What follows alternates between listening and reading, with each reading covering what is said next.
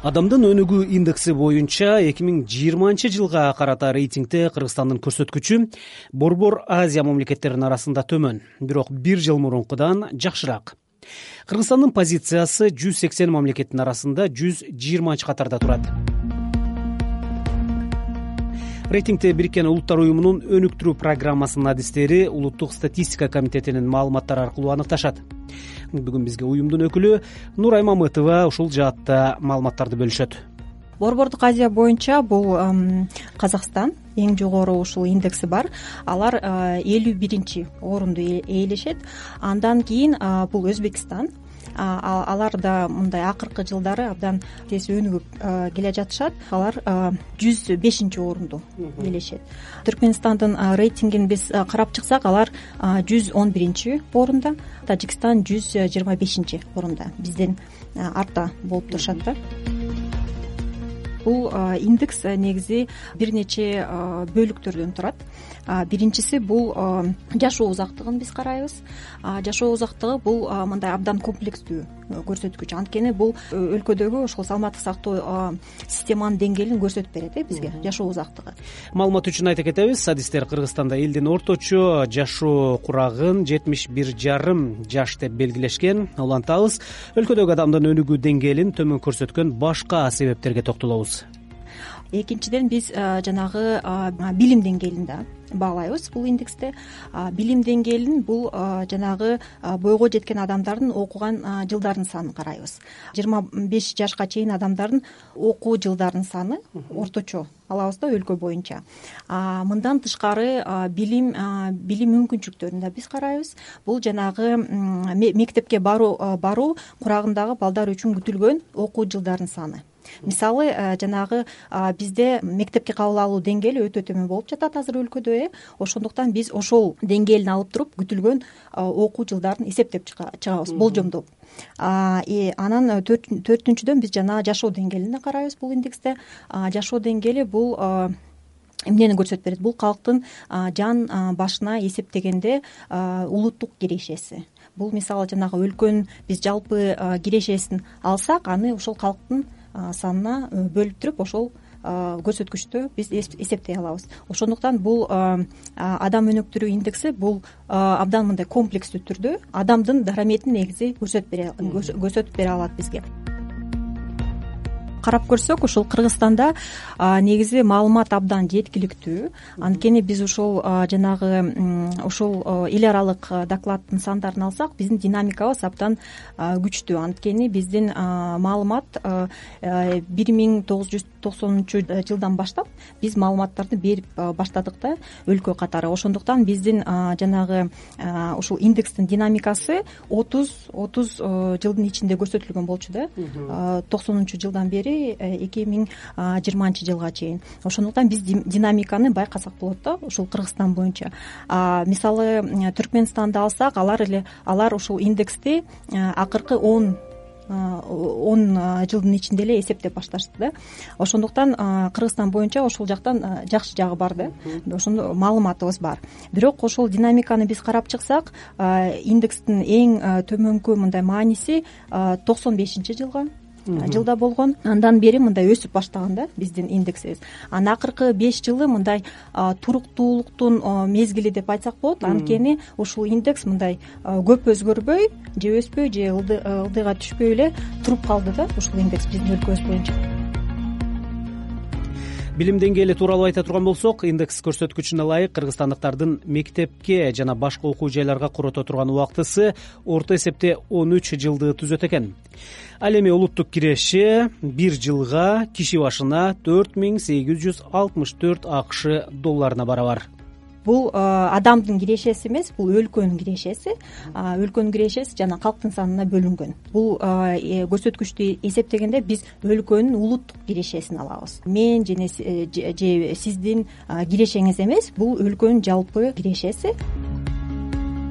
Эки миң онунчу жылдан баштап адамдын өнүгүү индексинде эркектердин жана аялдардын теңдиги да эсептеле баштаган. Тагыраак айтканда гендердик көрсөткүчтөргө да маани берилет ошону биз карап чыксак кыргызстандагы теңсиздик биздин адам дараметибиздин он пайызын жоготушуна алып келет да ушул биздин гендердик теңсиздик гендердик өнүктүрүү индексине карап чыксак ал индекс башка гендердик көрсөткүчтөргө таянып дагы бир нече мындай теңсиздиктерди көрсөтүп берет э. Бул биринчиден репродуктивдик ден соолугу. Бул көрсөткүчтө биз жанагы төрөт учурунда кош бойлуу мезгилинде аялдардын өлүмүнө карайбыз.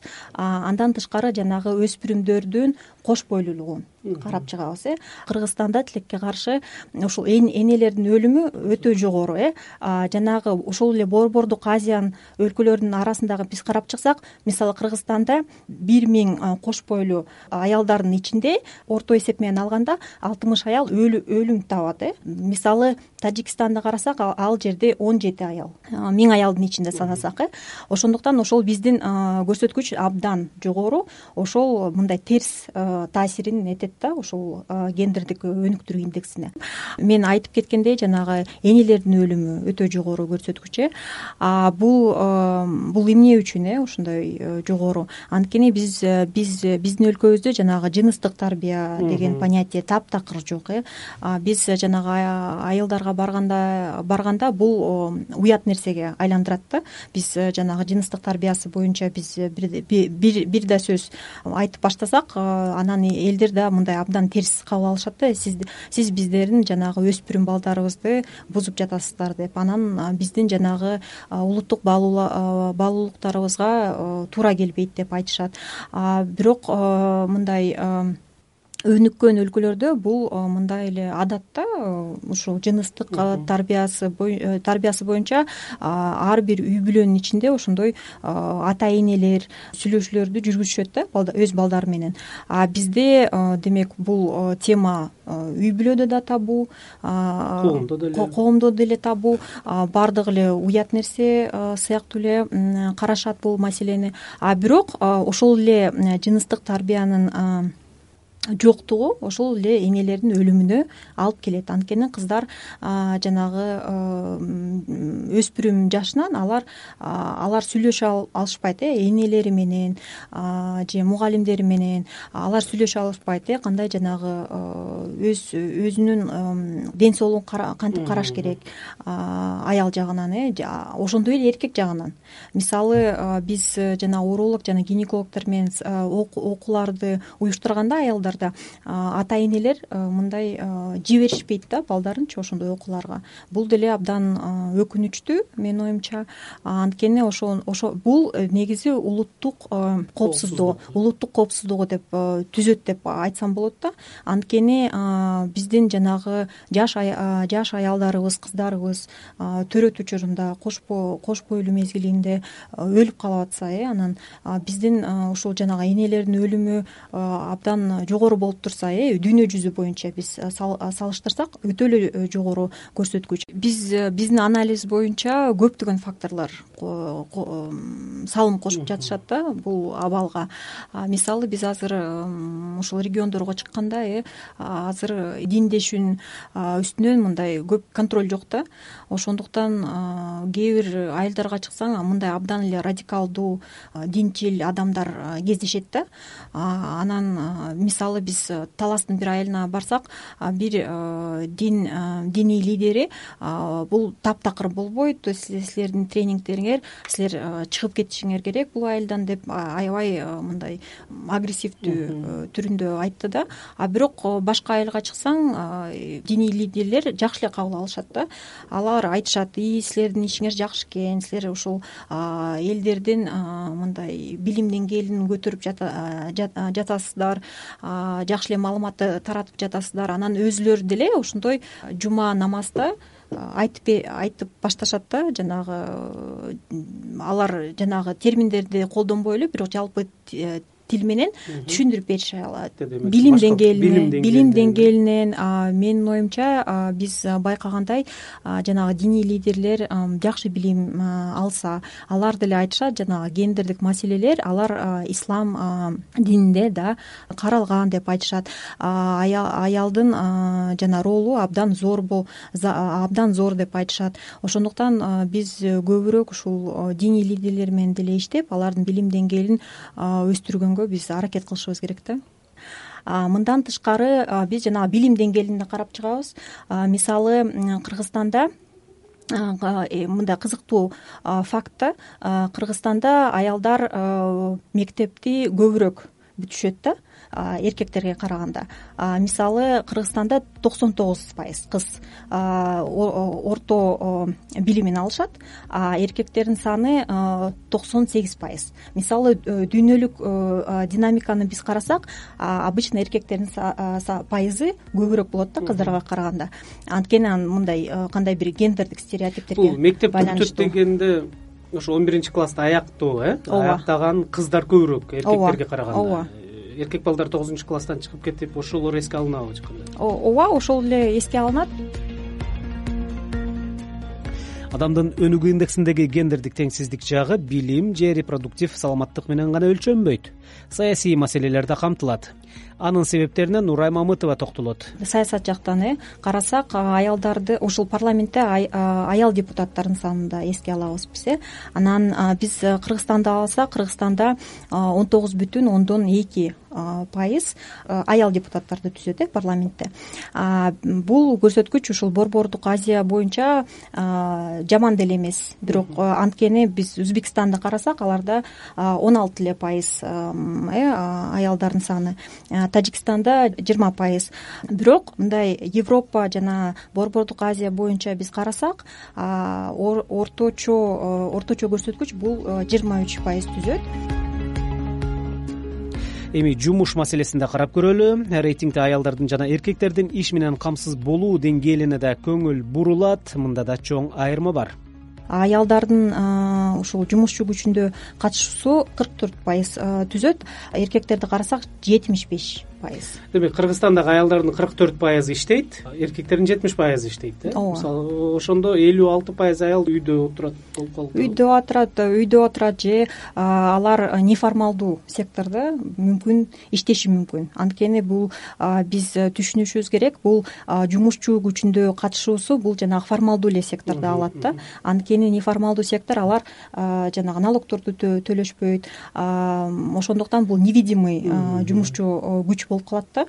Анан биз билгендей жанагы гендердик статистиканы биз карасак аялдар ушул көбүнчөсүнүн ушул неформалдуу сектордо иштеп калышат да. Индекс чыгарылат э, рейтинг көрсөтүлөт. Бул анан э, кыргыз өкмөтүнө сунуш кылынабы мындай бул көрсөткүчтү өзгөртүү керек же болбосо аябай сонун сиздерки дегендей бир. Бул индекс сөзсүз түрүндө бул биз азыр презентация кыла элекпиз биздин өкмөтүбүзгө бирок ушул презентация апрель айына пландаштырылган болчу. Негизи бул э, дүйнө жүзүндө бул отчет жыл сайын декабрь айында чыгарылат. Бирок мындай расмий түрүндө презентациясы кийинки жылында өткөрүлөт да. Анан бул жылы биз март же апрель айында ушул пландаштырып жатабыз да расмий презентацияны. Анан сөзсүз түрүндө биз жанагындай сунуштарды беребиз рекомендация катары. Ар бир өкмөткө мына сиздин индексиңиз төмөндөй барып жатат сиздер мындай мындай кандай мераларды чараларды көрүшүңүздөр керек э? негизи биз көрүп жатабыз. Абдан көп жумуш эме жаатында керек да. Гендердик стереотиптерди кагуу максатында көп иштер аткарылыш керек. Мисалы биз жанагы эле региондорго чыкканда айылдарды кыдырганда биз мындай тенденцияны байкап жатабыз да. Аялдарды көбүрөөк э, үйдө отургузуп калышты. Анан биз жанагы гендердик э, окуулар менен келсек калктын мындай терс кабыл алуу гендер деген сөздү негизи да. Гендер деген сөздү айтканда эле алар жанагы батыштык э, батыштык бир нормаларды же ценностторду силер алып келип жатасыңар биздин аялдарыбызды бузуп атасыңар деп ошондой тенденция болуп калды да. Анан анан менин оюмча азыркы убакытта ушул гендер э, терминологиясын биз абдан мындай э, кылдаттык менен э, колдонушубуз керек да. Мисалы жанагы региондорго биз чыкканда көбүрөөк жанагы аялдар жана эркектердин ортосундагы мамилеси жөнүндө биз көбүрөөк айтышыбыз керек да. Гендерди мындай четке койбой бирок ал терминди азыраак колдонуп. азыраак колдонуп колдонуш керек термин гана маселе жаратып атат ооба термин э, бирок кабыл алуусу ошондой болуп атпайбы терс э, анткени бул гендер деген сөз бул кыргыз тилинде мындай аналогиясы жок э? Анан элдерге мындай түшүнүксүз болгон нерсе ал мындай коркунуч түзө турган нерсе. улуттук баалуулуктарга мындай терс таасирин тийгизе тургандай термин катары кабыл алынат ооба биз бүгүн адамдын өнүгүү индекси боюнча эки миң жыйырманчы жылга карата рейтинг тууралуу сүйлөштүк. Рейтингде бириккен улуттар уюмунун өнүктүрүү программасынын адистери улуттук статистика комитетинин маалыматтары аркылуу аныкташат. Кыргызстандын позициясы жүз сексен мамлекеттин арасында жүз жыйырманчы катарда турат. Бүгүн бизге уюмдун өкүлү нурай мамытова ушул жаатта маалыматтарды бөлүштү. Менин аты жөнүм санжар эралиев